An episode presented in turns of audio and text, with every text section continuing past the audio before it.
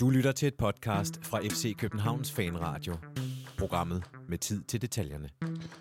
Havde vi dog bare tid nok til, at det hele blev lidt bedre, så kunne vi tale fra nu af, og ja, desværre nok rigtig lang tid. Et forfærdeligt 4-0 nederlag blev det til Herning, lige inden en landskampspause, for det ikke skal være løgn. Så nu sidder vi her i dag og skal gøre status før landskampspausen her i start november. Ja, hvordan går det egentlig med FC København? Du lytter nemlig til FC Københavns Fanradio, hvor vi som sagt altid har tid til detaljerne, og dem er der rigeligt endnu en gang at tage fat på. Velkommen indenfor. Mit navn er Jonathan Folk, og jeg har øh, to mand med mig online i dag, begge to. Øh, dem vender vi tilbage til om et øjeblik. Men først vil jeg lige sige til dig, kære medfan og lytter, øh, frygt dig. Husk nu, at der kan være langt ned, men der er også langt op. Der har vi været længe. Der skal vi nok komme tilbage. Og så langt ned er vi heller ikke. Det tror jeg dog heller ikke, vi kommer. Men fat mod. Vi vil i hvert fald forsøge at øh, skabe en smule optimisme, om ikke andet, så øh, dulme øh, smerterne lidt i løbet af i hvert fald minimum den næste times tid, alt efter hvor meget vi nu får snakket os varme. Øh, som sagt har jeg to gæster, og øh, de sidder her på hver sin side af skærmen ved siden af hinanden. Øh, jeg sidder her i lotion, for det ikke skal være løgn, ud mod, øh, ud mod parken. Og øh, øverst på min skærm, øh, der sidder Nikolaj Ingemann på Vesterbro. Velkommen til, Nikolaj. Dag. Hej. Det var mit uh, gladeste dag, jeg kunne komme med, men... Ja, men hej. hej. Og øh, under dig, der sidder øh, Michael Milhøj. Øh, Michael, hvor sidder du egentlig henne? Jamen, jeg sidder ret tæt på trianglen, hvor jeg bor, så det er jo ikke så langt væk fra, hvor du er, Jonathan. Nej, det er sandt. Øh, men vi, vi gør øh, i så vidt mulig udstrækning, øh, hvad vi kan for at ja, holde nogle øh, coronarestriktioner og ikke mødes alt for mange. og dem, jeg har set med lige omkring de nye restriktioner, der er nogen, der har været herinde i studiet sammen med mig, eller i vores nye lokale, hvor jeg jo, øh, som sagt, sidder i logen på forreste række, kigger ned på øh, en stor række lamper, der er ved at få græsset til at gro her i det tidlige november. Fordi inde i lokalet inde bag ved mig, der er Copenhagen Sundays i, i gang med at optage øh, ja, jeg, jeg, jeg ved ikke, om de kalder det ugestatus eller nedtak fra kamp i weekenden, eller hvad de nu kalder det. Men de er i hvert fald i gang med videoen herinde bagved. Så øh, det er et meget godt billede på, hvordan det rykker i øh, det FC Københavnske fanunivers, når det kommer til, til mediesiden. Øhm, og når vi har været her, så gætter jeg på, at i morgen, eller øh, på onsdag, så kommer Absalons Radio forbi og optager også. Så der er fuld knald på lokalerne her. Det er vi, øh, det er vi super glade for. Det er så fedt. Øhm, det er sådan, at Nikolaj og Michael er igennem på den samme linje ind i vores øh, optager. Så hvis lyden svinger lidt på dem, så øh, bær over med os. Jeg gør, hvad jeg kan for at lege lydmand også, og få dem til at ramme nogenlunde det samme lydniveau. Øh, og inden vi så begynder at snakke om den her øh, nedturskamp i går, så skal jeg bare lige deklarere, øh, det er sådan, at øh, Michael, du er med, fordi du er FCK-fan. Det er der ikke nogen tvivl om. Men det er bare lige vigtigt at sige. Øh, og du er jo så også med, fordi du ved noget om økonomi, og så kan du i hvert fald sige noget lidt klogere om vores regnskab, end jeg vil kunne. Jeg kan godt se det dårligt, men bare give os en lille smule mere sådan forståelse for, hvordan er det egentlig, det hænger sammen. Øh, det tager vi til sidst. Jeg synes, vi skal starte med i går. Og Nikolaj, så skal du prøve at give mig din, øh, hvis du lige tænker tilbage, din ærligste reaktion på, da du så øh, startopstillingen, hvor vi jo vidste, at Sikker ikke var med. Øh, Peter Ankersen var ude med corona. Karantæne er det vel i virkeligheden, indtil han har testet på, øh, ikke positiv, negativ. Øhm, og Brian Oviedo var også helt ude af truppen øh, kvæg en positiv coronatest. Du ser startopstillingen med Jens Dage tilbage centralt. Det var meget forventet. Og så starter Victor Fischer som angriber. Men endnu mere, så starter Pierre Bengtsson som venstre, midt-venstre ving. Hvad var din umiddelbare reaktion på det? Jeg tænkte, der var utrolig mange spillere, der spillede på forkerte positioner. Ja, og, og, og hvad, det var min, jeg, jeg, jeg, jeg, prøve ligesom, jeg prøvede ligesom og, og, at, og, at se startopstillingen flere forskellige steder, fordi jeg kunne simpelthen ikke få det til at gå op med, at der måtte være noget galt på en eller anden måde, fordi det, det, det virkede bare... Det virkede meget satset. Og der, hvis det skulle virkelig skulle være sådan, som vi så endte med at stille op jo med den der 3-4-3, øh, farvel til zoneforsvaret. Øh, så det tænker jeg, det kan ikke passe. Det må der være, det må der være, der må være noget galt, men det var der så ikke, udover med udtrykket.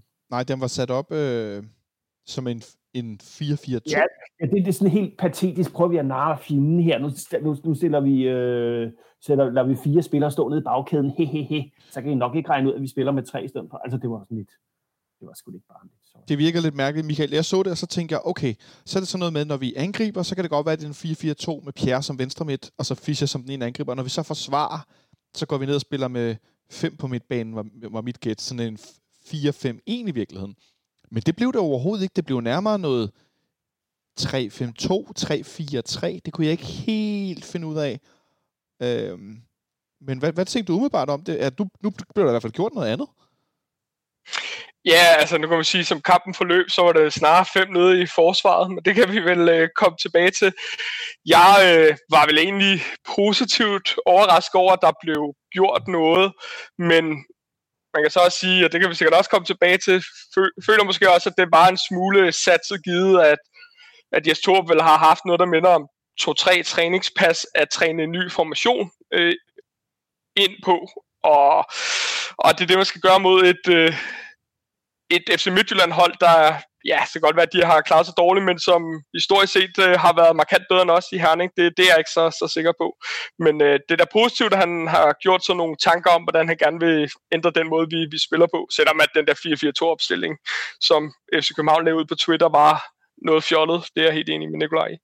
Ja, fordi Nikolaj, øh, som Michael lidt er inde på, så, øh, så er der ikke nogen tvivl om, hvordan vi plejer at spille, og vi har jo i otte kamp, før i går i otte kampe i træk i Herning lukket minimum tre mål ind. Ja. Det i sig selv ja, er en øh, fuldstændig det, det, bizarre statistik. Øh, eller voldsom. Øh, ja, og det virker jo sådan helt som om, at vi overhovedet ikke har nogen vi ikke evner at spille mod øh, FC Midtjylland, hvilket jo var ret vildt, ikke? Øh, taget betragtning af, hvor meget vi egentlig har, har spillet mod dem. Øh, og at vi så endnu en gang troppe op derover med, med, med, på den der ja, med den der underlige opstilling. Det, det, det, det, jeg er stadigvæk sådan lidt, både sådan lidt forbavset og måske også en lille smule rystet, jo mere jeg tænker over det, at øh, man på den måde øh, egentlig spillede, på, man kan næsten sige, at man spillede Hazard om nogle point. Det var jo øh, det var virkelig et mislykket eksperiment, som bringer minder tilbage til dengang Ståle også prøvede noget lignende. Ikke? Men det startede jo faktisk ret godt, synes jeg umiddelbart, at i, i starten af kampen virkede det som, at Midtjylland overhovedet ikke var forberedt på, at vi ville komme anderledes end normalt. Og, øh, og, og, og, og de havde ret svært ved at komme frem til noget som helst, i, i hvert fald i den første halve time. Ja, jeg, jeg synes måske, det er lidt voldsomt altså, de, at, at, at sige, at de kom, ikke kom frem til noget som helst. Altså, de, havde, de havde bolden, vi kom heller ikke rigtig frem til noget. Altså, jeg, jeg, det var, jeg synes, det var bare en kamp, der brugte 20 minutter på at sætte sig, og så scorede de et mål, og så, så, så var det det inden de kommer foran 1-0, så har vi jo, Michael, et, øh, eller det vil sige, Midtjylland har faktisk et, et hovedstød på deres egen overlægger, øh, Alexander Scholz, som får ved Jørgens Spark får hættet på overlæggeren for fuld smadder. Øhm, og øh, Jonas Vinder ved at i posten og sådan noget, men ellers får vi ikke øh, skabt det store. Og så på den første rigtige kontra, vi øh, Midtjylland får, øh, der løber de ned den anden og scorer på deres første afslutning inden for rammen. Øh, Tænkte du allerede det, Michael, at øh, nu kunne du godt se, hvor det var henad, eller var du sådan lidt, over ja, men det kan være, det ændrer sig, eller var det den, gamle, gamle, øh, den gode gamle 2020 FC København, vi så tilbage? Ja, altså det er jo i hvert fald noget, du har oplevet før, og jeg synes jo egentlig, problemerne starter et, et helt andet sted, og det, jeg synes egentlig, Bøjlesen var meget øh, godt inde på det i nogle af de øh, citater, han har citeret for efter kampen, og det er jo blandt andet, at vi som hold simpelthen ikke tør holde fast i bolden og spille den rundt, så det var jo meget det FCK, vi kendte, at på et eller andet tidspunkt, når vi blev presset nok, jamen, så spillede vi en lang bold op, og det kunne FC Midtjylland sagtens øh, forsvare sig imod. Så på intet tidspunkt tror vi øh, holde fast i bolden og få spillet den rundt, og på den måde fik Torup jo slet ikke sat det her offensive aftryk på, på holdet, som ellers det, der er blevet talt rigtig, rigtig meget om, som, som jeg lige har hørt efter i hvert fald. Og så kan man sige, jamen, vi taber på en, en, en op, en omstilling, og så igen igen, så har vi jo et, et relativt ustabilt forsvar, som jeg ser det. Altså nogle af de allerstørste FCK-hold er jo været bygget op om en rigtig solid øh, defensiv, men vi bliver simpelthen bare ved med at lukke øh, mål ind, og, og som jeg lige husker målet, så er der noget med, at, at Bøjlesen går rimelig voldsomt ind i en takling, som han mislykkes med. Øh, Drejer kommer lidt for nemt forbi Bengtsson, der ikke rigtig tør at, at takle. Måske er han også bange for at lave øh, straffespark. Så er du øh, Nilsson, der, der bakker ned, men som øh, ikke formår at, øh, at få blokeret den her bold, der bliver skudt øh, på tværs, og så får han jo ophævet den her øh, offside, der ellers ville have været på, på Kappa, og så står det pludselig 1-0. Så alt i alt øh, synes jeg, at, at det var et udtryk for, at mange af de problemer, som FC København har haft, de, de fortsatte desværre også op i, øh, op i Herning. Ja, det fortsatte jo, Michael. Vi kan godt fortsætte til det andet mål, øh, ikke så lang tid efter i kampen, hvor at, øh, jeg kaldte det et cirkusmål på Twitter, fordi vi bliver jo udstillet som, øh, som klovne, og det får mig jo til at, øh, ja, at kalde det cirkus. Øh, at øh, de to øh, spillere fra FC Midtjylland, der ellers har været lidt, øh, lidt udskilte øh, for deres attitude og lidt forskellige ting, øh, Sorry Kaba og øh, hvad hedder det, Evander, de øh, fik i fællesskab øh, først øh, den ene og den anden og den tredje til at ligne ja, klovner, øh, klovne eller kejler, om du vil. Øh, og det, ja, det, altså, det, det er godt nok ikke kønt. Ja, jeg synes godt, den der vending, Evander laver, øh, hvor han lige fuldstændig øh, tør, tør røv på Rasmus Fald, for at sige det pænt, øh, den kan man jo ikke tage fra ham. Altså, det er sgu godt lavet. Han vender jo bare rundt om ham og spiller bolden videre. Hvad der så det derefter sker, det er rent kloneri, jo ikke? I en træenighed. Men det er jo også uh, uheldigt, kan man sige, at Falk fik det her gule kort i starten af kampen, som øh, set med mine øjne i hvert fald øh, ikke skulle have været blevet givet. Det, det synes jeg var et, et underligt gult kort. Og det betyder jo, at Falk slet ikke kan gå ind på Evander, da han laver den her øh, ellers meget fornemme øh, dribling på ham, fordi at, at Falk trækker sig lidt, fordi han er bange for at lave uh, endnu et frispark til gul kort, så han bliver vist ud. Og, og det er jo noget af det, der, der starter det, og så kan man sige, at, at Nielsen ikke får øh, timet bolden, så han får hættet den ordentligt væk, det er, det, det er i mine øjne øh, kritisabelt. Det kan godt være, at den lige rammer en på vejen, så vi kan huske, at der måske øh, gør, at han, han mistimer bolden lidt. Og så synes jeg, øh, og det er ikke fordi kritikken helt skal være på, på Kalle, fordi det, det, det er bestemt ikke hans mål, men øh, man kan måske godt savne, at han, han havde nogle af de redninger, som han havde flere af i, i sidste sæson, fordi som, som jeg så det, kunne han godt have kommet lidt mere aggressivt ud og, og få beskyttet bolden nu, hvor at, at Nelson han, øh, han mistimer den. Men det er klart, at, at noget af det skyldes måske, at Kalle så har set, at eller tror, at, at Nelson har den, men, men så blev det noget, ja. Kaldte du det cirkus? Det er måske en fin nok betegnelse. Jeg kan det cirkus, ja. Jeg er sgu enig. Ja, du er enig, Nikolaj. Og så stod den 2-0 lige før pausen. En, øh, en første halvleg, hvor øh, FC Midtjylland øh, er, er bedst, uden tvivl, men også en første halvleg, hvor at det er ikke sådan, at de øh, brager os ned bag baglinjen, øh, forstået som øh, sådan i forhold til at, at afslutte osv. De har faktisk kun tre skud på mål i første halvleg, for det ikke skal være løgn, øh, og to af dem går så i mål. Og så står vi der igen, bagud og to... Fordi, altså, de har otte skud i alt mod mål i halvlejen. Vi har to skud mod. Vi har ikke et skud inden for rammen. Øh, så, så så står vi, så. Der, så står vi der endnu en gang bagud 2-0 i, i Herning. Jeg, jeg sad der så tænkte, at jeg var jo herinde til storskærmsarrangement i går, for øvrigt et ganske fint arrangement. Det var lidt koldt, men det var ikke fuldstændig bidende koldt. Øh, der var øh, cirka de her 500 tilskuere over på, på A2 og A3, som jeg kan sidde og kigge over på nu. Øh, det var rigtig, rigtig fint sat op på klubben. Det synes jeg var et, øh, et super fedt initiativ på at forsøge at gøre noget andet, selvom jeg havde min bange anser, da jeg cyklede herind. øh, de viste sig desværre at blive, øh, at blive opfyldt. Men selve arrangementet var der ikke øh, noget at sætte en, øh, en finger på. Øhm, så går vi til pausen 2-0. Eller til pausen bagud 2-0, hvor jeg hellere får sagt. Og Nikolaj, øh, havde du ærligt nogen tro på, at vi ville komme igen i den kamp? Jeg havde i hvert fald troen på, at vi ville prøve øh, at komme med et måske lidt mere stabilt udtryk i anden halvleg, øh, og få lidt mere, mere effektivt kantspil op at køre, men øh, det gik jo ikke. Altså, men det var det, jeg, jeg, troede, jeg troede reelt set på to mål nede, okay, vi kan, vi, kan, vi kan sgu godt noget med det her hold alligevel, men det kunne vi ikke. Altså, øh. jeg, jeg, jeg, jeg, stadigvæk, sorry, jeg skulle stadigvæk sådan lidt øh, i, i granatchok over den der kamp i går. Ja, det kan jeg godt forstå, du er. Det, det er ikke helt fjern for mig. Øh, vi skifter Darami ud i pausen med øh, Kamil Vilcek, Darami har spillet den her højre angriber i det her 3-4-3-system med Bartolet som, som vinkbak, alt efter hvordan man nu lige vælger at anskue øh, formationen. Det giver måske meget god mening, at Darami, der var noget øh, anonym, han bliver taget ud, og så skal vi have lidt mere power ind for at vinde nogle flere dueller, som jeg stod også sagde i pausen. Men Michael, så går der ikke mere end 5 minutter. Og øh, så øh, formår vi for første gang i klubbens historie, for tredje Superliga-kamp i træk, at få et, øh, et rødt kort. øh, Victor Fischer, som spillede rigtig fint mod Avatar herinde i midtugen. Han virkede noget, øh, øh, jeg ved ikke om overtændt er det rigtige ord, men overgivet måske nærmere, øh, og går hårdt øh, og forkert, skævt ind i en duel, og så følger der gult kort. Ja, øh, det starter vel faktisk et, et, et andet sted, fordi så vidt jeg husker, kom vi der bagud 3-0, ikke? inden at øh, han Nå jo, det er rigtigt. Kort. Undskyld. Øh, jeg havde bare så travlt med at tænke, hvor hjernen det der røde kort var. Ja, men der skete flere deprimerende ting, så jeg kan godt forstå, at det er svært at holde styr på dem.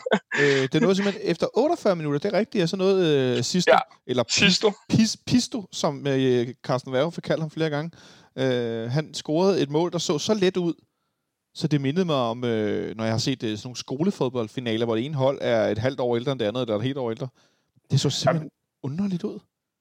Og, det, og hele optakten til det mål, hvor du bare har et FCK-hold, der bare bakker, bakker, bakker, bakker, bakker. Altså, det var lige, hvis man var fortsat med at møde ned over baglinjen, så var de jo også løbet, altså så var, de, så var FCK fortsat ud over baglinjen og sat sig op på tilskuerpladserne. Ikke? De, de, altså, alt, alt optakt til det der mål er fuldstændig forkert. Der er ingen der går til, jeg kan ikke huske, hvem der løber ud på kanten, der løber den ned. Øhm, men jeg har også lidt, så gå dog i ham, mand. Men, øhm, øh. og, og så blev vi jo også fanget lidt ud af positionen. Jeg, jeg er med på, at vi skulle spille mere mand-mand i stedet for, for zone. Men, men som jeg husker det, så kommer Fag til at trække sig meget ud øh, på øh, ja, venstre side for Øh, ja, vores venstre side. Og fordi Bøjlesen bliver tørret, så trækker Stas også ned og ligesom overtager pladsen nede i midterforsvaret for Bøjlesen. Og det efterlader jo det her kæmpe rum inde i, i midten, hvor Sisto bare står fuldstændig fri, og så kan han jo, har han jo altid i verden til at øh, udplacere Kalle ind i, ind i målet. Og og det er jo, kan man sige, jo lidt risikoen ved at spille øh, mand-mand, men selv når man spiller mand-mand, så, så er det bare ikke helt godt, at begge vores centrale spillere er i, i venstre side af, af banen, fordi at det efterlader jo et kæmpe hul, og der er sidste jo simpelthen bare for, for, for god og for farlig stadigvæk. Det må man sige, at det var rimelig overlegen sparket ind. Øh, det var sådan helt, det, det så sådan helt mærkværdigt ud, at han bare puttede bolden ind, og så var det sådan lidt sådan, nå, men så er der mål. Og så stod vi ligesom der, og så var det ligesom det, nå hvis nogen var i tvivl om, at om de ville lukke kampen eller ej, så blev det da helt sikkert gjort. Øhm, som sagt, 3-0 rigtig tidlig i anden halvleg, så den fli, jeg tror, der kunne være på et comeback, den blev da hurtigt faret væk under os, og så øh, når vi frem til det her røde kort, som jeg måske, det kan godt være, det er forkert, men jeg synes i virkeligheden, det, det, det er lige før, det er mere interessant end, end, end det her 3-0-mål til FC Midtjylland, fordi 3-0-målet, det udstiller igen vores store mangler defensivt den her sæson. Det ved vi godt. Men det her med, at spillerne nu på skift er begyndt at altså være udisciplineret og få sådan en mindre hjerneblødninger øh, og bærende spillere. Øh, først øh, Sega, og så Kaufmann, der er øh, hvad hedder det, eller var det en omvendt rækkefølge? Nu bliver jeg helt... Nej, det var omvendt rækkefølge. Om, omvendt rækkefølge. Ja, men Kaufmann, som... Jeg, det kan godt være, det er forkert men jeg tænker sådan okay, han er, han er ung, han er 19 år, øh, der er lidt nogle andre ting i spil, men så vores anfører øh, i runden efter sikker, og nu Victor Fischer også, som, som i hvert fald har været en del af anførergruppen, hvis ikke han er det øh, stadigvæk. Øh, Nikolaj, øh, jeg, bliver, jeg, jeg bliver sgu sådan lidt nervøs på, på, på meget længere sigt, end bare lige frem til vinterpausen og den her sæson, når de bærende spillere begynder at gøre sådan nogle ting. Ja, ja altså det, det kan jo også være tilfældighedernes spil, at det lige sker på den her måde, men, men, ja, men fordi det er jo helt vildt. Øh, Kaufmann kan man, det var sådan lidt nærmest, hvad det var, ikke? Men, men, men, men øh, Sega og så også nu øh, Fischer, ikke? Altså lige efter hinanden. Jeg, jeg, jeg synes i hvert fald, at det er ligesom om, at øh, jeg skulle sige, gardinet er revet fra vinduet, og man kigger ind i noget, der måske er meget, meget en trup, der måske er virkelig ikke er specielt øh, godt sammensat. Der er noget, der er helt galt inde i den der... Der er jo noget galt på en eller anden måde. Men øh, ja, ja, jeg ved sgu ikke rigtig, hvad jeg skal sige, altså, fordi det er jo svært, når man ikke øh, ser det så dagligt, hvad der sker ude på træningsbanen og følger med, men, men det, det, det er enormt bekymrende. Det, det må jeg skulle sige. Ja, lad os, lad os gå med den del, af det er enormt bekymrende. bekymrende. Det kan der vist ikke være nogen, der bare interesserer sig en lille bitte smule for FC København, som er, øh, altså er i tvivl om. For det... Jeg kan ikke huske, jeg kan ikke huske, jeg kan ikke huske nogen Superliga-klubber, der har haft i nyere tid har haft øh, tre røde kort i streg. Nej, øh, altså, jeg... Øh... Altså, altså, så, så, måske Horsens er mit bedste bud, men, men... Jeg tror, at AGF på et tidspunkt fik var det ikke også 3-4 stykker eller sådan noget? AGF får i sin tid fire i runder i træk, et rødt kort, øh, og der er vist et par, et, et par klubber imellem, som har haft... Øh, hvad hedder det, som har haft øh, tre røde kort i træk. Øh, men, men det, øh, det er der sådan, øh, ikke så mange af dem, der har. Øh, så, så det er også i både i Superliga-sammenhæng, men også for FC København, øh, historisk virkelig, virkelig skidt. Det er ikke noget, der øh, forekommer særligt tit. Jeg skal nok lige prøve at finde den statistik frem, og så kan vi poste den på vores, øh, på vores side kbhfanradio.dk øh, efterfølgende, når I, når I hører til, lytter til det her. Og så synes jeg, det har et, øh, et der er et endnu større problem, som, som jeg ser det, og det er jo, at nu har vi måske ikke lige så mange skader, men hvis det er via disciplinære årsager, så ikke kan stille det samme hold igen og igen, og rent faktisk få, få skabt noget stabilitet, indnyde nogle ting på træningsbanen, og vi hele tiden skal skifte rundt, jamen så er det jo ikke anderledes end dengang, at vi havde super mange skader og hele tiden skiftet rundt. Så det er jo bare en fortsættelse af, af de problemer med manglende stabilitet, som vi har haft længe. Og jeg tænker, det er et af de ting, hvor at, at Jes Torup, han må gå ind og, og gøre et eller andet, øh, fordi at, at det holder jo ikke i, i længden, hvis vi skal spille med, med 10 mand øh, hele tiden. Slet ikke i en periode, hvor det i forvejen ikke går, går alt for godt. Nej, fordi øh, Michael, jeg havde sådan lidt en fornemmelse af, at nu var det lidt på uprise, så vi, vi, vi i hvert fald offensivt så vi, ja, jeg ved godt, det var mod Avarta, men vi skabte chancer, og spillerne løb for hinanden, og der, det kan godt være, at den ikke blev sparket nok i kassen, men der var ligesom langsom udvikling. Jeg synes, der var langsom bedring. Det var ikke sådan, at jeg øh, synes, at nu var alt godt, og hurra, og altså hæl og tog, og uha, hvor det går champagne i fodbold. Men jeg synes bare langsomt, øh, det gik, det gik øh, i den rigtige retning. Måske var jeg for optimistisk. Ja, men, altså, ja øh, det, det, ja, måske var du faktisk for optimistisk, fordi når man ligesom tænker tilbage på den kamp, hvor vi kommer, til, kommer bagud, og er en, en, øh, en klippet øh, stortorsnegl for at faktisk at, at risikere, at den står 2-2 øh, et minut før tid. Ikke? Øh, det, det, er jo det, altså, det er jo også det er jo ikke godt nok. Og det er jo fint nok, at vi bombarderer deres mål øh, i lang tid, men vi scorer jo ikke. Vi scorer to mål, og vi, den, de er ved at hive den ind på en uafgjort. Ikke? Det, er, der, ja, der er i hvert fald der er noget, der ikke fungerer mod Avarta. Altså, det skal jeg også sige. Ikke? Altså, Lyngby scorer også de to mål herinde, ikke? Øhm, ind i parken. Ikke? Så. Ja. Der er nogle meget, meget, meget dybe problemer. Så står den øh, 3-0 efter ikke så, øh, så lang tid øh, spillet. Øhm, og så går der ellers øh, cirka 10-12 minutter, hvor et Midtjylland de spiller, sådan, som det passer dem. Øh, de skaber lidt chancer og spiller bolden lidt rundt, og vi har den ikke så meget. Øh, og så scorer Sisto igen. Endnu det, jeg vil kalde lidt af et cirkusmål, hvor vi ligner ja, trænings, trænings, vi kan kombinere det, kalde det træningsklovne, ikke træningskejler, øh, som han næsten får lov at sparke ind efter de to mænd på midten, der bare bevæger sig rundt, som de har lyst, øh, nemlig Sisto og, øh, og Kabar, som får lavet en lidt, lidt tilfældig assist øh, til det her øh, 4-0-mål.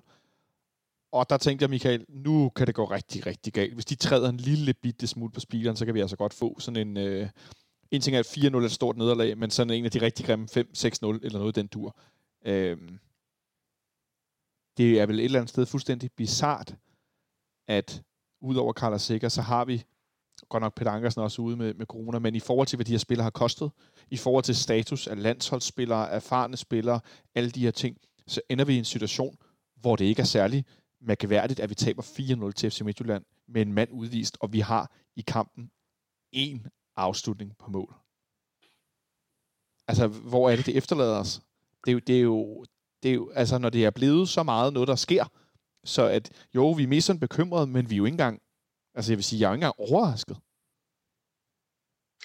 Nej, og, og problemet er jo, at det er over hele linjen, hvor der, der er problemer. Ikke? Øh, måske målmandsposten, det er en position, hvor vi har færre problemer, men, men trods alt vil jeg nok mene, at Kalle ikke er i lige så god form, som han var øh, ja, sidste sæson. Du har et, et forsvar, der lukker alt, alt for mange mål ind og virker uafstemt, øh, også selvom at, at Sanka er kommet ind. Du har en midtbane, der er vel er basalt set nærmest ikke eksisterende, og hvor selv hvis Seca var med, jamen Seca har også et formdyk af dimensioner, eller også er alderen ved at tynge ham, det, det er jo vel måske et åbent spørgsmål. Og så har vi en, en offensiv strategi, der slet ikke leverer nogen øh, chancer, og hvis du ikke får nogen chancer, så er det godt nok også svært at øh, score mål. Så jeg synes jo sådan set, det over hele linjen, der er problemer, og øh, igen synes jeg, at Bøjlesen sagde det meget godt, at, at der er, mangler rigtig meget øh, tro på tingene og lidt mere mod på at holde fast i bolden og få spillet den rundt og få skabt nogle chancer. Det bliver meget de her lange bolde, vi ikke kan holde øh, fast i, eller øh, sende en mislykket aflevering op i, i, i banen langs jorden, det kan også være, men, men der er ikke rigtig ja, hverken kvalitet mod lyst, motivation øh, over hele linjen. Øh, og det er jo det, der gør, at man sidder tilbage i dag med en deprimerende følelse. Og den eneste grund til, at vi ikke tabte større i går, det er vel fordi Midtjylland vælger at trække i håndbremsen og skifte nogle af deres spil, rigtig gode spillere ud, for at give dem en, en for dem vel velfortjent pause, efter de har spillet rigtig meget også i uh, Champions League. Så øhm, ja, øh, stærkt bekymrende, synes jeg. Stærkt bekymrende. Jeg tror faktisk, jeg fik sagt noget forkert før. Ifølge den her statistik, jeg kigger på, så øh, havde vi 0 skud på mål. Øh, for ligesom at understrege det. Men når jeg sidder og kigger på den samlede kampstatistik, vi ender med 32% boldbesiddelse og jeg er helt med på, at vi er en mand i undertal i 40 minutter, men 32%. Vi har 0 skud på mål. Midtjylland, altså vi har bolden så lidt, så Midtjylland har 719 afleveringer, og vi har 330. Altså vi, det, det, det, og jeg ved godt, det ikke er det totale antal afleveringer, der afgør, om man spiller en god eller en dårlig kamp. Men det er jo trods alt nemmere at være god, når man har bolden, frem for når man ikke har den. Nu er vi jo ikke ligefrem øh, Norges landshold under Egil Drillo Olsen, så det der med at score alt muligt på kontra og dødbold, det er jo ikke ligefrem vores métier men vi, vi skaber simpelthen ikke noget offensivt, og samtidig med det, så har vi ikke noget, der minder om en stærk defensiv. Øh, Nikolaj har sagt det lidt, Michael, at det gør ham øh, temmelig bekymret, han oplever lidt noget granatschok på, på længere sigt. Hvor bekymret gør det dig, hvis vi bare skal lave et nedslag efter sådan en ja, endnu en rigtig dårlig kamp i Superligaen? Ja, så jeg synes jo ikke, når man har fulgt med i FCK de seneste halvandet år, så synes jeg jo, det har været meget det, det samme i virkeligheden. Og så kan man så sige, at det kun er blevet værre og værre, så vi er inde i en eller anden negativ øh, spiral. Øh, nu er vi jo heldige øh, i den forstand, at hvis vi kan få, få styr på, på holdet igen, jamen så er vi jo ikke længere væk fra toppen, end at tingene kan nå, nå så reddes endnu. Men det er jo, øh, bekymrende er jo, at hvis vi ikke formår at få gang i, i holdet igen, og Torb ikke får sat sit aftryk på holdet og fået ja, stablet det på benene igen, efter at det har været nede i en, i en lang nedtur under Ståle til sidst, øh, jamen, så er risikoen jo, at vi, vi jo simpelthen ikke kommer i top 6 her. Øh, og det har jo også, nu skal vi tale om økonomi senere, men det har jo altså også nogle, øh, nogle økonomiske konsekvenser længere nede af, af vejen øh, i en forvejen hårdt presset situation. Så øh, bekymrende er vel det rigtige ord at bruge. Jeg synes, det er foruroligende, øh, og faktisk, øh, ja, kampen minder så 4-0. Vi har ikke noget, der minder om noget som helst resten af kampen. Øh, jeg synes næsten, det mest foruroligende er, da jeg bagefter læser, hvad Jes Torup siger om kampen, at han fortæller, at det var hans sats, at han ville ryste posen øh, og prøve noget nyt for at skabe en reaktion, og så gå over til at spille med tre mand nede bagved, der dækkede mand-mand. Og for, øh, for dem, der har fulgt, som du sagde, Michael, for dem, der har fulgt med i FC København i de sidste, ja snart, det er lige før jeg vil sige on and off, 15 år, på nær et par afstikker til Roland Nielsen og, øh, og hvad hedder det, øhm, Ejl Jacobs, så har vi jo dyrket det her zoneforsvar hele vejen igennem. Der er ikke nogen tvivl om, at vi spiller med zoneforsvar. Jeg synes, det er helt fair at prøve noget andet. Men Nikolaj, for at ryste posen i en situation, hvor holdet er ustabilt. Vi skal spille mod Midtjylland, som har kvæst os i fire år i træk i Herning, gang efter gang. En enkelt gang var vi, var vi tæt på, der faldt startede med at spille centralt med første gang. Der startede vi rigtig godt at få en 2-0. Men udover det har vi ikke været i nærheden og kunne hjælpe mig, og man så ikke ryster posen på den måde og skifter, altså simpelthen forsvarssystem, så kan man sige, at ja, det andet virker heller ikke så what, men, men jeg synes, det virker, ej, jeg, jeg, det gør mig faktisk ret nervøs. Er det, er det, er det overkill at gå den vej? Ej, jeg er mega, både mega nervøs, mega bekymret, og igen det der med, jeg er sgu også lidt rystet over, at det, det, det er, at det er der, man ligesom, og så sådan noget med, skal vi ryste posen lidt? Altså, jeg synes, det virker, jeg, jeg synes, det virker uovervejet, og det, og, og, og skulle også lidt at spille hasard med, med, med, med, med, med, med den her trup lige pludselig. Altså, det, det, altså jeg, jeg, jeg, jeg må sige, jeg er dybt bekymret over, at vi lige pludselig skal til at spille med en 3-4-3 ud af det blå, som ikke er blevet trænet. Jeg, jeg, jeg, jeg, jeg, jeg kan simpelthen slet ikke forstå det. Jeg kan slet ikke forstå, at vi skal til at gå væk fra zoneforsvaret heller. Øhm, lige nu her i den her situation. Øh, så jeg blev sgu dybt bekymret, specielt taget betragtning til, at øh, der er blevet hentet en træner ind, som skulle lave nogle justeringer, vi skulle spille en lille smule mere offensivt, men ikke nogen revolution. Det skulle bare være en lille bitte smule, så vi blev lidt bedre, og så går han ind og river fundamentet af, at, at hvad skal man sige, 20 års programmering, 20 års DNA, 20 års øh, udtryk væk øh, lynhurtigt. Øh, jeg ved ikke, om man prøver at sende signal til nogen. Jeg synes, at øh, jeg følte nærmest som, at det var et øh, spark i bollerne på FCK's øh, historie. Michael, øh, Nikolaj har sagt nogle øh, relativt voldsomme ting, som jeg desværre må tilstå, at jeg, jeg er ret enig i. Øh, når, når, når du kigger øh, tilbage på det, det er jo altid nemt at kigge tilbage på, at et eksperiment ikke har lykkes, men, men når nu jeg Strup selv går ud og siger meget ærligt, Nå, men det, det var mit øh, forsøg på at, at ruske op i tingene osv., øh, altså, det, jamen, jeg ved nærmest ikke, hvad jeg skal sige. Jeg, jeg, var, jeg var faktisk ret chokeret i, i et par timer i går aftes, da, også da jeg cyklede hjem herindefra, da jeg havde læst det, at, at det var det, der var tanken bag det? Jamen, jeg synes, der, der er flere ting, der, der er bekymrende i, i virkeligheden. For det første er det jo valget af modstander. Øh, det er på udebane. Det er lige før en landsholdspause, hvor du jo altså får lidt mere tid til at træne tingene igennem, og hvor vi står over for et kampprogram, som vil er noget nemmere end, end det, vi har været igennem her.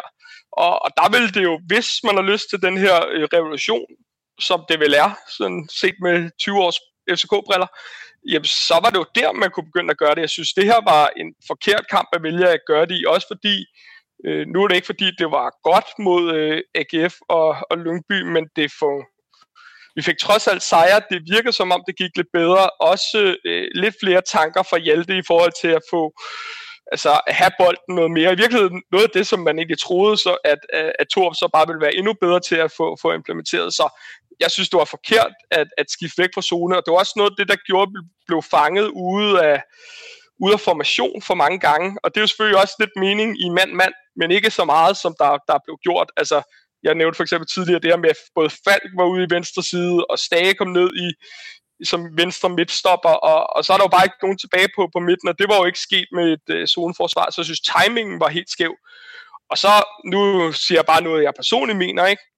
Det er en podcast, men jeg har måske hellere set, at et offensivt udtryk kunne komme til udtryk ved, at vi skifter over til, lad os sige, en 4-3-3, altså beholdt zoneforsvaret, men så havde nogle nye offensive øh, tanker. Jeg synes egentlig, ideen om det her tremandsangreb med Darami, Fischer, Vind, på papiret virker ret spændende, men, men det kan man jo godt have uden at, at, øh, at du ændrer på vores øh, firmands bagkæde, som vel er det sådan mest centrale den måde, FCK har tænkt øh, fodbold på i, i, i 20 år. Så Ja, jeg synes egentlig, der er flere spørgsmål, end der, der er svar efter den her kamp, og også hvad, hvad Torup kommer til at sætte af, af aftryk, og ja, de kommende kampe bliver ekstremt spændende efter landsholdspausen. Ja, Nikolaj, men øh, nu startede Michael faktisk øh, den dejlige overgang til det næste, fordi min tanke var også lidt, okay, vi er ofte kommet i undertal centralt på midtbanen mod, mod FC Midtjylland. Sikker ikke med i går. Stage skal være vores balancespiller. Han er den, den af vores midtbanespillere, der er til rådighed, som er den nærmeste af, der kan minde om noget der minder om balancespiller, eller en lille smule defensiv. Pep Biel, Falk og Modrasja alle sammen mere fremadrettet, hvis du spørger mig. Det kan godt være, at Falk er god til at presse og så videre, men de er mere fremadrettet. Så tænker jeg, okay, så spiller vi med fem på midten måske. Så kan det være, at vi får lukket ned, spille med tre centralt, når de har bolden, så vi får, får bygget den der, øh, lad os kalde det mur foran vores forsvar, og så bibeholde zonen, som Michael er inde på. Men i stedet for, så går vi over til at spille med, med, med fire, men hvor de ikke er vant til at spille sammen, og så er det Pierre Bengtsson som wingback og Bartolets. Øh, altså, og de har trænet det to-tre gange, lyder det bagefter.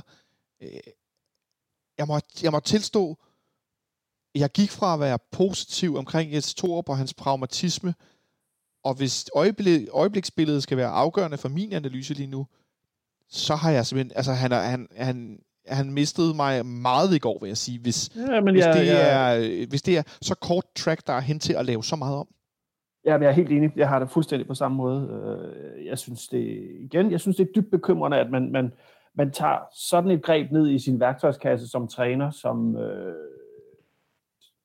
som jeg synes også bare, hvis man, hvis man kender Krug, så lidt på afstand, som vi også gør, men alligevel forholdsvis tæt på, kender truppen, kender spillernes styrker og forser, og, øh, forsvarssvagheder, svagheder, at man så ikke udnytter, altså vi, vi kunne have spillet op i, vi kunne sagtens have spillet en 4-4-2 med en, øh, med, med dobbelt sekser i stedet for, øh, og har haft både Vilcek og Vind op foran, så vi det mindste havde noget at låse op på, ikke?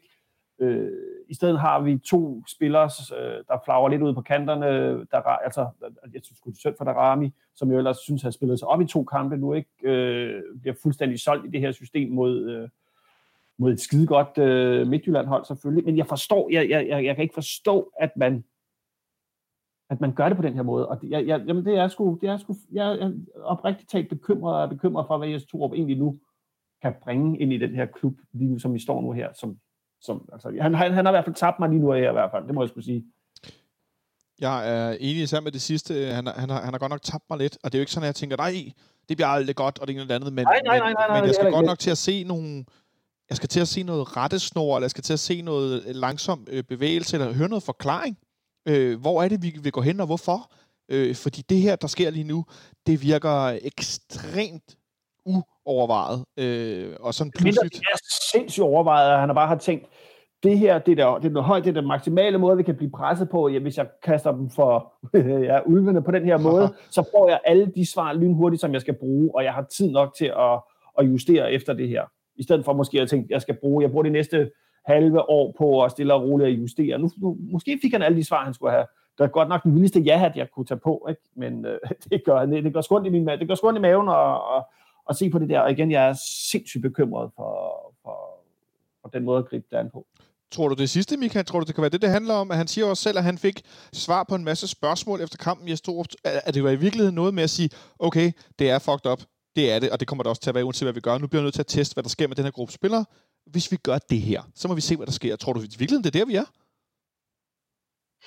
Det, det er et godt spørgsmål, men under andre omstændigheder synes jeg jo nok personligt, at det var den forkerte kamp at vælge at gøre det i, fordi vi har brug for at lukke et hul eller begrænse, hvor stort det bliver, øh, især til Midtjylland, hvis vi stadig betragter dem som vores øh, større, største konkurrenter, vi gerne vil op og, og vinde mesterskabet, og så vil jeg stadig mene, at du har en, en bedre periode her efter øh, landskampspausen, hvor at vi har nogle, altså flere kampe at gøre det med et bedre kampprogram, baseret på, på flere træninger. Så jeg synes stadigvæk, timing er, er skør selv, hvis det er, at, at man tager Nikolajs øh, ja-hat på. Så havde jeg nok i Football Manager valgt en, en anden strategi i hvert fald.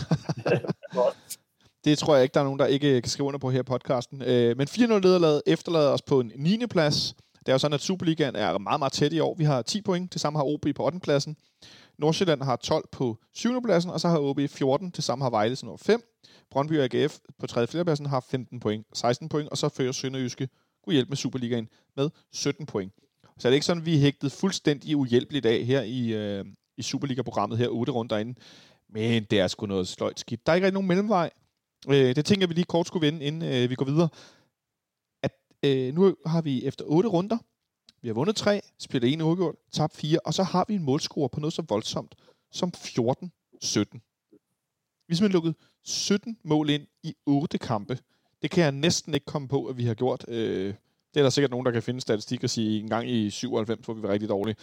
Men vi lukker hammerende mange mål ind, og så vinder vi indimellem. Der er ikke nogen mellemvej, der er ikke nogen uafgjorte kampe, der er ikke nogen sådan, ah, så får vi lige reddet den hjem, og så var det halvt dårligt, men så fik vi point alligevel. Det er som om, øh, Michael, det er kun himmel eller helvede. Øh, det kan jeg ikke huske tidligere i FC København overhovedet, at jeg har set, at der ikke er nogen bund eller nogen top for øl, fordi når vi er gode, er vi vanvittigt dygtige. Men der er slet ikke nogen mellemting. Øh, altså, det, det kan godt være, det er bare mig, prøv, prøv at hjælpe mig en gang, øh, hvis I kan komme på noget, der, der minder så meget om det. Jo, altså ja, der, der, der er to perioder, som jeg, der, der umiddelbart, øh, der umiddelbart øh, printer sig ind i mit hoved, når vi siger på den der, men der ikke har været nogen bund her, og himmel og helvede, og det er CV's periode som øh, træner, nu laver de anførselstegn. Det, det er god øh, optagelse. Ja, hvor han, øh, han smider en kvart milliard ud af vinduet. Øhm, og, og det, hvor det hele det sejler. Den ene kamp, så vinder vi, den næste kamp taber vi. Øh, den, den, den, ryger, den ryger så meget op og ned. Og så er der faktisk i Ståles første periode nu her, hvor han kom tilbage øh, i, i øh, sommeren øh, 2014, øh, der er der virkelig ikke nogen øh, bund. Altså det er jo også øh, piu, piu, piu, piu, i de første 10 kampe, øh, eller første, altså, frem til vinteren, ikke? Men kan vide, om det er den samme situation, vi står i nu? Altså, jeg kan da godt huske der i 14, at der prøvede Ståle også et hav af forskellige ting, for ligesom at få skruet på en masse ting i truppen. jeg, jeg ved ikke, om det er sådan træner øh, på, på et vist, med et vist mindset gør. øhm, øh, eksperimenterer på, på, på høj plan. Eller hvad man skal kalde det. Jeg, jeg, jeg, jeg, jeg kan ikke forstå det i hvert fald. Nej, jeg ved det heller ikke. Øh, Michael, du kan få æren af, efter kampen i går, at være den, der først giver dit bud på, hvem der var FC Københavns man of the match i går? Eller ender vi som en af de der gange, vi er desværre endt nogle gange det sidste øh, år halvanden, hvor vi faktisk ikke kan kåre en man of the match, fordi vi var så dårlige? Øh, jeg synes faktisk, den er ret nem. Jeg synes, øh, Bøjlesen faktisk øh, spillede en, en ganske fin kamp øh, nede som, som venstre midtstopper, øh, og rent faktisk var en af de få, der, der tog at øh, tage, øh, drive bolden frem, prøve at, at sætte en mand og komme forbi det, det første pres, som gav optagter til noget, hvor man tænkte, hmm, det, det kunne godt være noget, men, men hvor, at, som jeg så kampen, at det så blev stoppet af, at vores øh, midtbaner angreb simpelthen ikke var, var dygtige nok. Så jeg synes, øh, Bøjlesen spillede en, en, en fin kamp, set med mine øjne, så han må være min øh, man of the match. Og eftersom Nikolaj lige har siddet og fægtet med armene og nærmest skubbet til taget, eller hvad fanden sådan noget hedder, øh, så tænker jeg, at øh, I er relativt... Jeg er enig. jeg er ret enig. Jeg kan ikke finde... Altså, udover buschaufføren, der kørte holdet hjem igen, så, så må det skulle blive Bøjlesen. Ja, jeg tænker, at han blev måske, øh, de blev måske kørt til Aarhus og tog en færge, gætter jeg på, eller også så blev de kørt til en lufthavn og fløjet til, til København. Det ved jeg ikke. Men jeg synes, vi skal gå med Bøjlesen. Han er den eneste, som kan være sin kamp nogenlunde bekendt, øh, og dermed så får han også lavet et, øh, et vendetta på mig, der i sin tid ønskede ham en bøde på to ugers løn, eller noget den stil, da han øh, gav et mål væk i Vendsyssel, øh, hvis nogen kan huske det, øh, da vi tabte i, øh, i Nordjylland, øh, for, for hvad der føles som øh, 100 år siden efterhånden. Så øh, for FC Københavns Fanradio, en uh, man of the match til, til Nikolaj Bøjlesen i det mærkværdige 4-0 med nederlag i går i Herning. Og så fortsætter vi ned af alléen, belagt med øhm, øh, plader af lind faces, har jeg lyst til at sige, fordi lige nu er det godt nok øh, noget LORT meget af det. Øh, vi skal snakke en smule om øh, den økonomiske situation i FC København, og øh, det leder os jo automatisk over i, hvor vi står hen rent trupmæssigt. For det er sådan, at vi forleden udsendte en, øh, det hedder vel en kvartalsrapport, hvis jeg ikke tager meget fejl. Øh, et kvartalsregnskab. Noget af den stil, det kan Michael gøre mig klogere på, og gøre også klogere på. Lige præcis.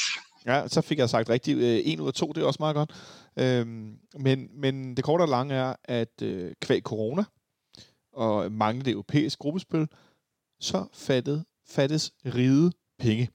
Og det er der ikke nogen øh, som helst tvivl om. Øh, men med økonomi, ikke jeg hatten, men med økonomihatten på, øh, eller analysehatten, Michael, hvor skidt står det egentlig til?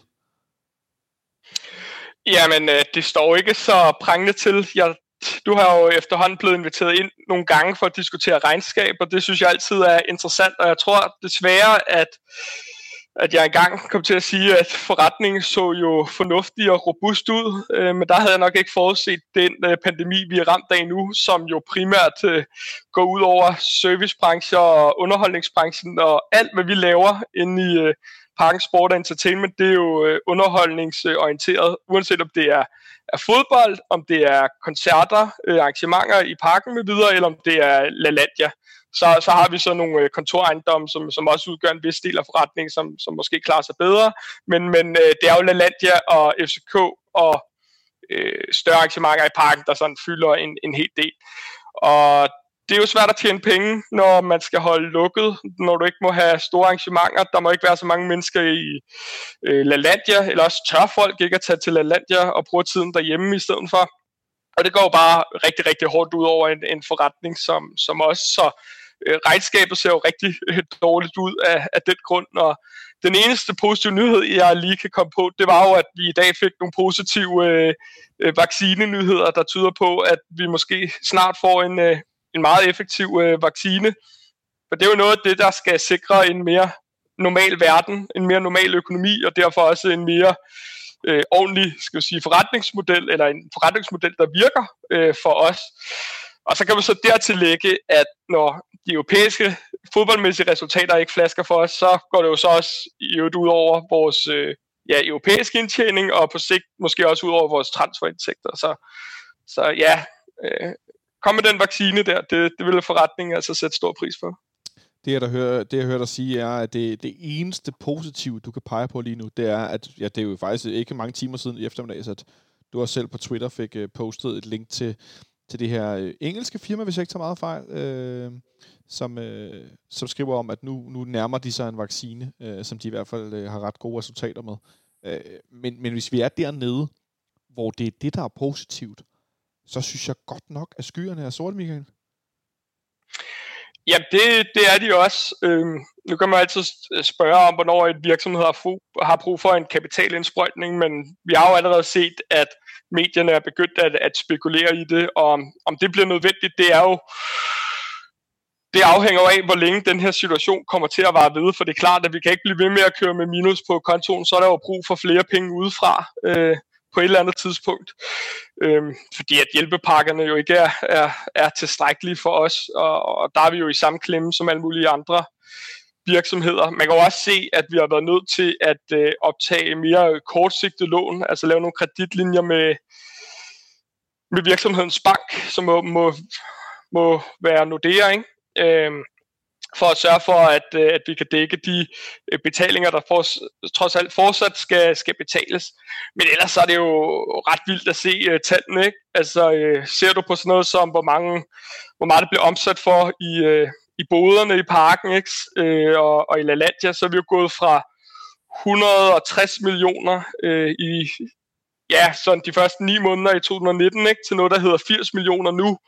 Merchandise-indtægter er faldet fra ja, de er halveret fra 14,7 millioner til 8,9. Øh, entréindtægter er, er halveret, ikke? Øh, det, det, det er svært at tjene penge, når folk ikke må, må komme ind. Og, øh, og så er det jo så i et ekstra bekymrende det med de fodboldmæssige resultater, fordi i det europæiske øh, gruppespil havde godt nok øh, pyntet på pengekassen i den nuværende situation. Også i forhold til, hvad værdien af, eventuelle øh, spillesalg måtte øh, betyde. Ikke? Det, er jo, det er jo bare sværere at kræve en høj pris, når de ikke kan vise sig frem i Europa. Så ja, både det fodboldmæssige og, og covid-19 taler jo bare i en forkert retning, som, som jeg ser det lige nu. Det er kun vaccinen, jeg kan trøste med.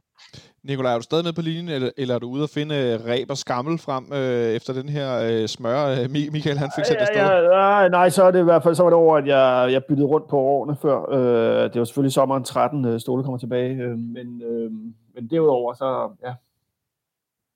Så, ja, ja nej, altså, jeg, jeg synes nu ikke, at det her corona, det får mig nu ikke... Øh, og, og de her dystre regnskaber, og vi skal optage lån og sådan noget, det får man sgu ikke... Øh, det er selvfølgelig bekymrende, men vi ved jo godt, at FCK og Parken Sport Entertainment er en godt drevet forretning, som tjener penge, når, når hele verden ikke er lukket ned. Øhm, så, så, så, så jeg er ikke så bekymret for, hvad fremtiden bringer, når de bare får vaccineret os, og vi alle sammen står derinde i parken og krammer hinanden og er halvfulde på en søndag og en torsdag.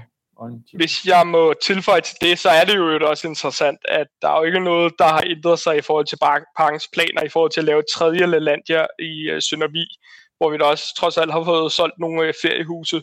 Og det er jo et tegn på, at, uh, at virksomheden stadigvæk tror på, at Lalandia er en, er en skide god idé, når der altså ikke er, er corona, for det, det, det er simpelthen noget, som familien Danmark er, er vilde med, at tage en tur i Lalandia. Og snart familien Sverige måske også og familie Sverige, øh, hvis øh, planerne om et ja. land i Sverige også øh, rykker sig. Øh, og, og som jeg tror, jeg har sagt tidligere, hvor jeg har været med her, så har LaLandia jo vist sig at være en rigtig, rigtig stabil øh, indkomst for virksomheden, som ligesom har lagt også et fundament for fodboldklubben, at man har kunne tåle dårlige europæiske år. Og så er det jo så bare ekstra uheldigt, at et dårligt europæisk år, som vi jo får nu, jamen det falder så samtidig med en øh, pandemi, som vi ikke har set siden øh, 1918 eller sådan noget. Ikke? Øh, og det betyder jo, at ride fattes penge, og det kan jo få nogle konsekvenser, i hvert fald på en korte bane. Jeg tror, jeg er enig med Nikolaj i, forretningsmodellen virker jo stadigvæk, især når der kommer en, øh, altså vi får noget normalitet tilbage, men på en korte bane er det noget af det, der gør, at, at det bliver sværere for os at investere os ud af det, hvis vi ser frem til øh, næste transfervindue bare, ikke? hvis man føler, at der, der er brug for nogle, øh, nogle ændringer, eller i sommerens øh, transfervindue. Ikke? Og, og fortæller måske i øvrigt også, hvorfor at det er ret vigtigt, at den her fodboldklub øh, begynder at præstere noget mere øh, sportsligt, sådan, så vi rent faktisk får muligheden for at kvalificere os igen til det Europas gruppespil øh, til næste år. Øh, helst via en førsteplads selvfølgelig, men, øh, men øh, som minimum bare i et af dem. Ja, fordi vi, vi står i en situation, hvor at, øh, at øh, det er jo ofte sådan med, med, med fodboldmarkedet, altså transfermarkedet, at når de store klubber agerer, så bevæger pengene sig ned gennem systemet. For når de store klubber bruger penge på at købe en spiller et sted, så får den klub penge, og så køber de længere nedefra, og man bygger op nedefra som regel. Men når man hører om Real Madrid, Barcelona og andre store klubber, som pludselig står og har underskud på den anden side 700 millioner, så, ved man, altså, så kan man jo godt regne ud, okay, der er ikke så mange penge i markedet i det hele taget. Øh, der er ikke så mange banker, der har lyst til at sørge for, at de store klubber kan låne alle de her penge og købe de her spillere. Og det påvirker jo selvfølgelig også FC København. Jeg tænker på, vi har Storup, som formodentlig gerne vil øh, skifte øh, en, en række spillere ud i, i vinterpausen, eller i hvert fald nogen i forhold til at ændre på strukturen i truppen. Men vi står i en situation med alle de her mange backs, vi har lejet. Varela ud til, til Moskva-klub. Han fik, fik det for øvrigt debut her i weekenden, så jeg på hans Instagram. Vi har Brian Oviedo, som nu har corona, og som slet ikke er i nærheden af at spille. Vi har hentet Marius øh, Koinomo i, øh, i AK Athen, som øh, mod Avarta lignede... Øh, han løb med lige så stive ben, som jeg gør. Øh, og det er ikke kønt, skulle jeg sige. Og sådan kunne jeg næsten blive ved, at vi står med øh, Ragnar Sigurdsson, som jo elsker FC København, og jeg kan fandme godt lide ham. Men han ligner jo ikke en, der skal spille for FC København. Undskyld mig. Øh, og sådan kunne jeg næsten blive ved i, i spiller Nikolaj Thompson, der skulle have været afsted, så rev han skuldrene ned igen. Eller var det albuen? Nu bliver jeg helt i tvivl. Det var ved skuldrene. Det var ved skuldrene, ja. Men, men pointen er mere, at øh, under normale omstændigheder havde vi lidt nemmere at kunne skibe en spiller til højre og en til venstre, men for, på grund af corona er det bare nærmest umuligt. Og det, vi er jo også i en situation, hvor, Michael, hvor pengene til at købe spillere jo heller ikke lige frem er noget, vi vader rundt i. Så hvad kan vi egentlig gøre til vinter? hvis situationen er den samme som nu i januars transfermarked? Hvad, hvad kan vi overhovedet øh, gøre? Ja, det er det store spørgsmål. Ja, det store spørgsmål. Øh, I virkeligheden kan vi måske ikke gøre så meget. Og det er så måske der, hvor Jes Torup kan få en, en, en afgørende rolle, kvæg at han jo tidligere har været relativt god til talentudvikling i forhold til rent faktisk at få indspillet nogle af de, de unge spillere, vi, øh, talentfulde unge spillere, vi har, og rent faktisk få, få set, om, om de kan bruges til noget. Altså det er jo, synes jeg, lidt, lidt overraskende, at vi skulle være den eneste klub i, øh, i Danmark og i Europa, der ikke øh, kan få nogen unge spillere op. Jeg ved godt, vi har Drami, ramme, men, men ellers er det jo længe siden, vi har haft det her unge kult, øh, kult der minder om øh, Cornelius, øh, Sanka, Delaney. Øh, og, og der skal vi jo nok tror jeg, og det er jo så ikke bare på grund af, at, at corona sætter nogle begrænsninger på både spillersalg og spillerkøb, men også øh, sådan rent øh, bare af, af den spillermæssige årsag, den træner, vi har fået, tror jeg, der kommer til at blive spillet nogle flere talenter ind, øh, og blive brugt flere talenter i forhold til at øh, også prøve at få, få sat et aftryk på holdet, og også med den mulighed, at, at hvis de viser sig at være dygtige, så ligger der jo altså øh, et ret stort gevinst at hente, fordi at du, du henter dem gratis, og kan sælge dem forhåbentlig for et øh, ret massivt beløb. Ikke? Altså Cornelius er vel det bedste eksempel, hvad sådan noget angår. Nikolaj, i den forbindelse kan vi jo ønske tillykke til Alexander Hjelmhoff, som jo gjorde et fint indhop mod Avarta i, ja, ja, i onsdag sidste ja. uge, som, uh, som fylder uh, 19 år i dag. En spiller, som vi kan håbe kommer til at se mere til. Han virker i hvert fald som en, uh, som en, en, en, en dygtig ung spiller, uh, og det er meget godt timet, når du uh, fornævnte, Michael, det her med de unge spillere, vi skal have nogle flere ind af. Nikolaj, nu, Michael er lidt inde på det, flere unge spillere, måske mere, eller ikke mere, men måske lige så meget af nød, som uh, er lyst, fordi vi er i den her situation, vi er. Øh, bekymrer det der yderligere, eller giver det virkelig meget god mening? Ej, jeg, ej, jeg tror ikke, det, ej, det bekymrer mig nu ikke yderligere. Øh, altså det der, min, det der, det, min største bekymring er, hvordan vi kommer af med alt det øh, lort, Ståle har købt, for at sige det pænt. Øh, fordi øh, vi skal jo have, mm, der er jo en masse spillere, der skal sendes ud af den her klub ret, ret snart, forhåbentlig. Hvis ikke det her vindue, så næste vindue igen. Og, øh, om vi, og det er jo nok der, vi skal satse på at kunne få lidt penge tilbage, så vi kan bruge til at købe øh, nye spillere ind for. Øh, så det er nok den proces med at få solgt nogen, som, øh, som er min største bekymring lige nu her. Øh, fordi ja, fordi det gør jo ikke noget så særlig godt væsen af sig, hvad skal man sige, øh, på, på, på salgstavlen. Nej, Nicolai, fordi det er jo det næste, vi lige kort skal vende. det der med at sælge og købe spillerne, det, når man ikke har en manager, så er det jo som regel en, en, en teknisk direktør eller en sportsdirektør, der står for den del. Sådan en har vi heller ikke lige nu. Øh, men man er vel også i gang med processen, tænker jeg, for bestyrelsens side, William Kvist med, med bestyrelsen bag sig, i at finde en sportsdirektør. Øh, og når vi nu taler om den her situation, hvor vi står i lidt i dødvande rent øh, økonomisk og transfermæssigt, så skal vi også have en ny sportsdirektør. Øh, det komplicerer det vel kun endnu mere jo. Fuldstændig, ja. Det er ren kaos.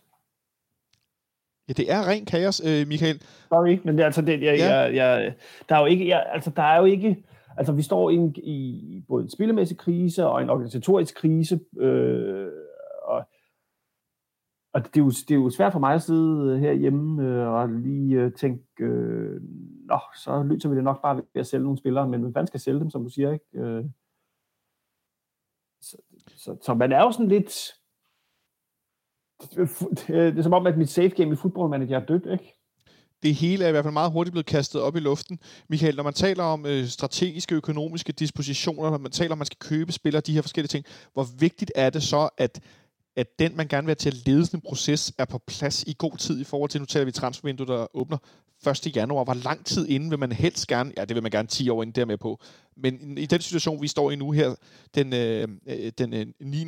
November, frem mod det vindue, der åbner om under to måneder, for, for, altså, det skal være den rigtige, men det skal også være en, der når at være her, så man kan lave en plan. Øh, hvor meget sådan noget balance øh, skal man have i forhold til at få ansat sådan en person?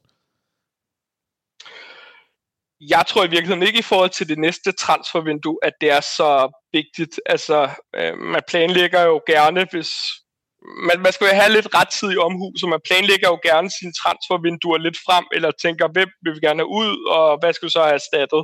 Og, og den proces er jo løbende, både i scouting-afdelingen og øh, med vores nye øh, er Frederik Let ikke øh, teknisk direktør, eller hvad er hans stillingsbetegnelse nu? Jo. Eller... Øhm, så jeg tror faktisk ikke, den nye sportsdirektør får så stor indflydelse på, på det transfervindue, minus at måske har noget netværk, man kan trække på. Det, det er jo kommer selvfølgelig an på, hvem man får som sportsdirektør. Det marked kender jeg simpelthen ikke godt nok til.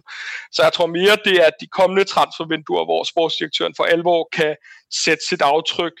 Og der bliver den vigtigste ting, det er jo, hvad, altså, jeg tror personligt, at valget af sportsdirektør bliver ret vigtigt i forhold til, hvad er det for et, et udtryk, vi som fodboldklub gerne vil have. Øh, specielt øh, nu, hvor at med den her 3-4-3 virker det som om, at det er snarere en revolution end en finjustering. Ikke? Øh, der, der, der tror jeg bare, at sportsdirektøret bliver, bliver helt central i forhold til, til den strategiske beslutning. Øh, man plejer at sige sådan i forretningsverdenen, hvis der nu kommer en ny administrerende direktør, så er det først efter 100 dage, at som ligesom lært forretning, og så kan man sætte sit, sit aftryk, og man kan vel godt sige noget det samme med en, med en sportsdirektør. Så ja, næste øh, ja, sommertransfervinduet, det bliver nok det mest afgørende for den kommende sportsdirektør, hvem, hvem end det så end er. 100 dage, det er tre måneder plus det løs. Det, øh... det gælder nok ikke for en træner. Det gælder ikke for en træner, men det, det gælder for en, øh, en, en sportsdirektør eller en administrerende direktør, det, det er jeg med på. Øh, men, men det er jo det er godt nok nogle dystre øh, skygger I får kastet i fællesskab ind over vores øh, fodboldklub her frem mod en landskampspause med nogle landskampe, som jeg slet ikke forstår, at man overhovedet gennemfører med tanke på corona og de spillere, der bliver... Så har man nogle smittet her og nogle her, og så må man ikke hen fra England, fordi så er der nogle regler med, at man ikke må rejse ind og ud fra øh, øh, England fra Danmark, og vi ser bare i klubberne rundt omkring i Europa, så er der nogen testet positiv her, så er det falsk positiv. Og så er der nogen her, hvor der faktisk er positiv. Og det virker som verdens dårligste idé, at man skal begynde at blande de her spillere med hinanden. Ja, undskyld mig, men det er sådan en krampagtig holden fast i, at man skal gennemføre de her øh, landskampe. Det, det forstår jeg sgu ikke det store af, det må jeg ærligt ja, talt sige. Ja, træningskampe er det jo bare. Ja, træningskampe midt i, at man ikke øh, kan rejse nogen steder, fordi verden er morlæs lukket ned i en pandemi. Det virker... Øh, det, det, det virker sgu for mig fuldstændig hjernedødt, det bliver jeg simpelthen nødt til at sige. Øh, ja. Ja, øh, så det var ikke fordi, det skulle handle om landsholdet, men jeg blev, jeg bliver bare sådan lidt bekymret, når man ser, at øh, man holder så meget fast i noget, øh, som, som ikke er inden for, for landegrænser osv. Det, øh, det gør mig sgu noget bekymret. Men vi håber, der kommer en vaccine snart.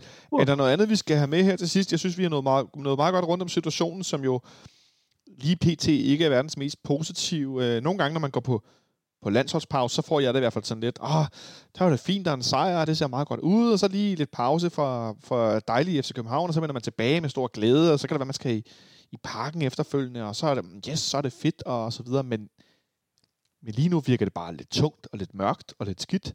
Øh, er der noget godt, vi kan tage videre? Er der nogen af jer, der har noget at give til vores medfans derude for at holde, øh, holde fanen højt her i, i, i den mellemliggende periode? Nej, altså, den nye øh, Playstation og den nye Xbox kommer på, den nye Xbox kommer på gaden i morgen, og den nye Playstation kommer i næste uge. Det er vel det. Øh, ja, jeg, spil, jeg spiller ikke Playstation, men, men hvis man skulle sige en sådan optimistisk ting, så altså, kan det godt være, at man har øh, sølvpapir hat på, men øh, det må jo være, at nu får vi rent faktisk tid til at træne. Øh, Thor får mulighed for at implementere nogle af sine idéer, uanset hvor revolutionerende de sådan måtte være, og så går vi ind i et kampprogram, som jeg vurderer er lidt nemmere for os, og, og det gerne i så fald skulle smide nogle flere point af sig, øh, og vi derfor kan komme ind i en lidt mere positiv spiral. Det, det må være den, den eneste positive ting, jeg lige kan komme i nærheden af. Vi kigger ind i et kampprogram, hvor vi mandag den 23. Det er på min fødselsdag, der spiller vi faktisk en gang imellem. Spiller hjemme mod Randers, og så spiller vi øh, ude mod Sønderøske weekenden efter. Uha, det kan godt blive grimt. Så spiller vi øh, den 6. december hjemme mod Horsens. Den 13. december udebane mod Farum. Og så har vi den 20. december, den seneste Superliga-runde nogensinde, på hjemmebane mod OB søndag den 20. december. Det kunne godt blive en omgang øh, nissehue og så videre, hvis man kan få lov at komme herind. Øh, det er nok ikke så mange stadigvæk, men øh, man kan få lov at håbe på det. Øh, alt andet lige et, et lidt mere mildt program, men som FC København er lige nu, så får jeg lyst til at sige, så er der ikke noget, der er mildt, så er der ikke noget, der er nemt tilgængeligt, så er der ikke noget, der bare lige er noget, der minder om, men den skal vi vinde uden problemer. Øh, det er faktisk lidt der, min bekymring, den ligger lige nu. Men øh, Michael, du nævner lige kort, det kan vi godt lige runde her til sidst, det her med, at nu har to tid til i to uger at træne øh, det her 3-4-3, men for mig er det store problem jo med de her landskampe, at en hel masse af de spillere, der skal spille, de er væk med deres landshold. Så det her med at kunne træne det, ja, men med hvem? Det er at træne med Victor Fischer, der er i karantæne. Det er at træne det med forsvarsspillere, der ikke starter inden. Det er, det, åh, jeg synes, det er godt nok op ad bakke i forhold til at have tid til at skulle gøre de her ting. Det har du også ret i, og derfor er den her, øh, det er, ja, nærmest indrejseforbud for de engelske landsholdsspillere jo kun endnu mere ærgerligt fra et FCK-perspektiv. Så vi skal afgive både Falk og, ja, Falk og Victor Nielsen også ikke, øh, til det danske landshold. Øh, men ikke desto mindre, så er der jo stadigvæk resten, man trods alt stadig kan træne med, så øh, det kan umuligt være være dårligt for os, både at få en, en pause rent mentalt, og så rent faktisk få trænet med de folk, der, der er der. Men øh, du, du bad om en optimistisk udlægning, og det, det, var, det var det bedste, jeg kunne komme på. Så øh, jeg er sikker på, at man kan finde mange øh, hår i suppen. Øh, og jeg, der, jeg tror, at den meste af det her program har jo handlet om at være bekymret og være lidt, øh, og se lidt mørke skyer ude i horisonten. Ikke? Øh, og det, jeg tror nok, vi alle sammen skal se lidt øh, bedring, før vi for alvor tror på det med 2020 en mente. Ja, ja, jeg, må, altså- jeg må indrømme... Ja, hvad siger du, Nicolaj? Jamen, det er fordi, altså, vi kan jo lige tage dem, ikke? Det er Sanka, Jonas Vind, Rasmus Falk, Victor Nielsen. Ja, det står der så to gange. Øh, Mohamed Darami, Kalle Johansson, Pierre Bengtsson, Ragnar Sigurd, oh, ja, okay, men Ragnar Sigurdsson og Carlos Sækker, som, øh, som, som er væk i de næste 14 dage. Det er jo stort set øh, rigtig mange faste spillere. Der, så der står nogle kejler tilbage ude på tieren, man kan spille bolden lidt rundt mellem og praktisere sin nye øh, tremandsforsvar med. Det skal nok blive godt. Lad os se, om det var andet et eksperiment. Øh, som sagt, så øh, går der lige 14 dage før FC København er tilbage igen den 23. 11.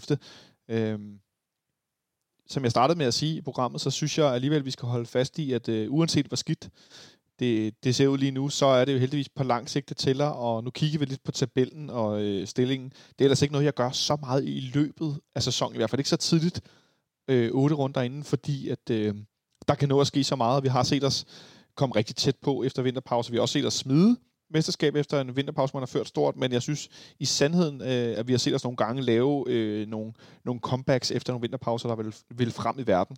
Øh, så øh, jeg bliver nødt til også at have en lille smule øh, positivt øh, syn på det og tænke, der kan nå at ske rigtig, rigtig meget, og som Michael har været inde på, hvis vi lige får vaccineret verdens befolkning, så skal folk sagt nok komme i badeland, og så skal vi ind og se noget fodbold, og så hjælper det lidt på økonomien, og så kommer man til at løfte det hele lidt. Og så ved vi også, at vi har nogle spillere, der savner at have fans på stadion helt sindssygt meget. Vi har hørt om, hvordan at de selv bad om at få øh, øh, tilskuerlyd øh, herinde i parken til den ene kamp osv., så, videre. så øh, jeg tænker også, at der er, der er klart... Øh, det, det, det er jo nemt, at man er positiv, når man kan se, at man kan forbedre en hel masse. Nikolaj? Jeg vil bare lige sige, det også for lige at slutte af på en positiv, øh, en positiv hat på, ikke? Så, så faktisk øh, i 2013-14 sæsonen, så ligger vi altså dårligere. Der ligger vi på en 10. plads nu med, efter otte kampe med har syv point. Så vi har hele tre point bedre nu. Skidt. Så vi har tre point bedre nu. Vi har godt nok lukket virkelig mange mål ind i forhold til, men øh, der ender vi jo trods alt på en fjerdeplads, så der er jo øh, håb for at komme top 6 måske. Ej, jeg vil sige, jeg bliver meget overrasket, hvis vi ikke ender i top 6. Det kan jeg godt afsløre. Ja, det gør jeg også. Det, det vil chokere mig endnu mere, end det, jeg øh, så i går i Herning. Så med de uh, super positive ord om, at vi engang har været dårligere end det, der lige nu er super sløjt. du dem så, uh, så tænker jeg, ja, okay. at uh, vi, vi vil sende folk på landsholdspause, og så, uh, så uh, kan jeg kun sige at til, til jer, jeg møder ude i trafikken og i den offentlige trafik indimellem, som også har et en FC København ansigtsmaske på, så... øh, vink til hinanden, mand. Jeg har begyndt sådan at... Og, øh, og jeg har både givet albuer og knuckles til fremmede med FCK-maske øh, på. Det er altså meget øh, med cool. Og lige, eller lige vip på hovedet, eller lige øh, hils på hinanden. Øh, det er lidt sjovt det der med, at man kan gå lige forbi folk, man kender rigtig godt, uden at kunne kende hinanden, fordi man har en, en ansigtsmaske på, hvis man er i et supermarked eller et storcenter eller et andet sted. Men øh, godt lige sende lidt øh, god københavnerkarmer til hinanden. Og jeg synes også, det, det, det er meget cool at, at, at vise ens tilhørsforhold, selv i en periode, hvor det går skide hammerne ringe, øh, fordi at øh, vi er jo stadig FC Københavner, uanset hvordan det går. Det synes jeg er rigtig, rigtig vigtigt at have med. Så med de ord vil jeg bare sige tak til dig, Michael. Øh, tak til dig, fordi du var med lige ned ad gaden. Ja, selv tak. Det, var, det er altid interessant at være med, og spændende at få lov til at snakke om FCK, også selvom det er deprimerende. tak det for med. Også tak til dig, Nikolaj, fordi du var med tak. hjemme fra... Det var godt at få lukket damp ud. Ja, jeg håber, at det virkede for jer, der herude, der lyttede med.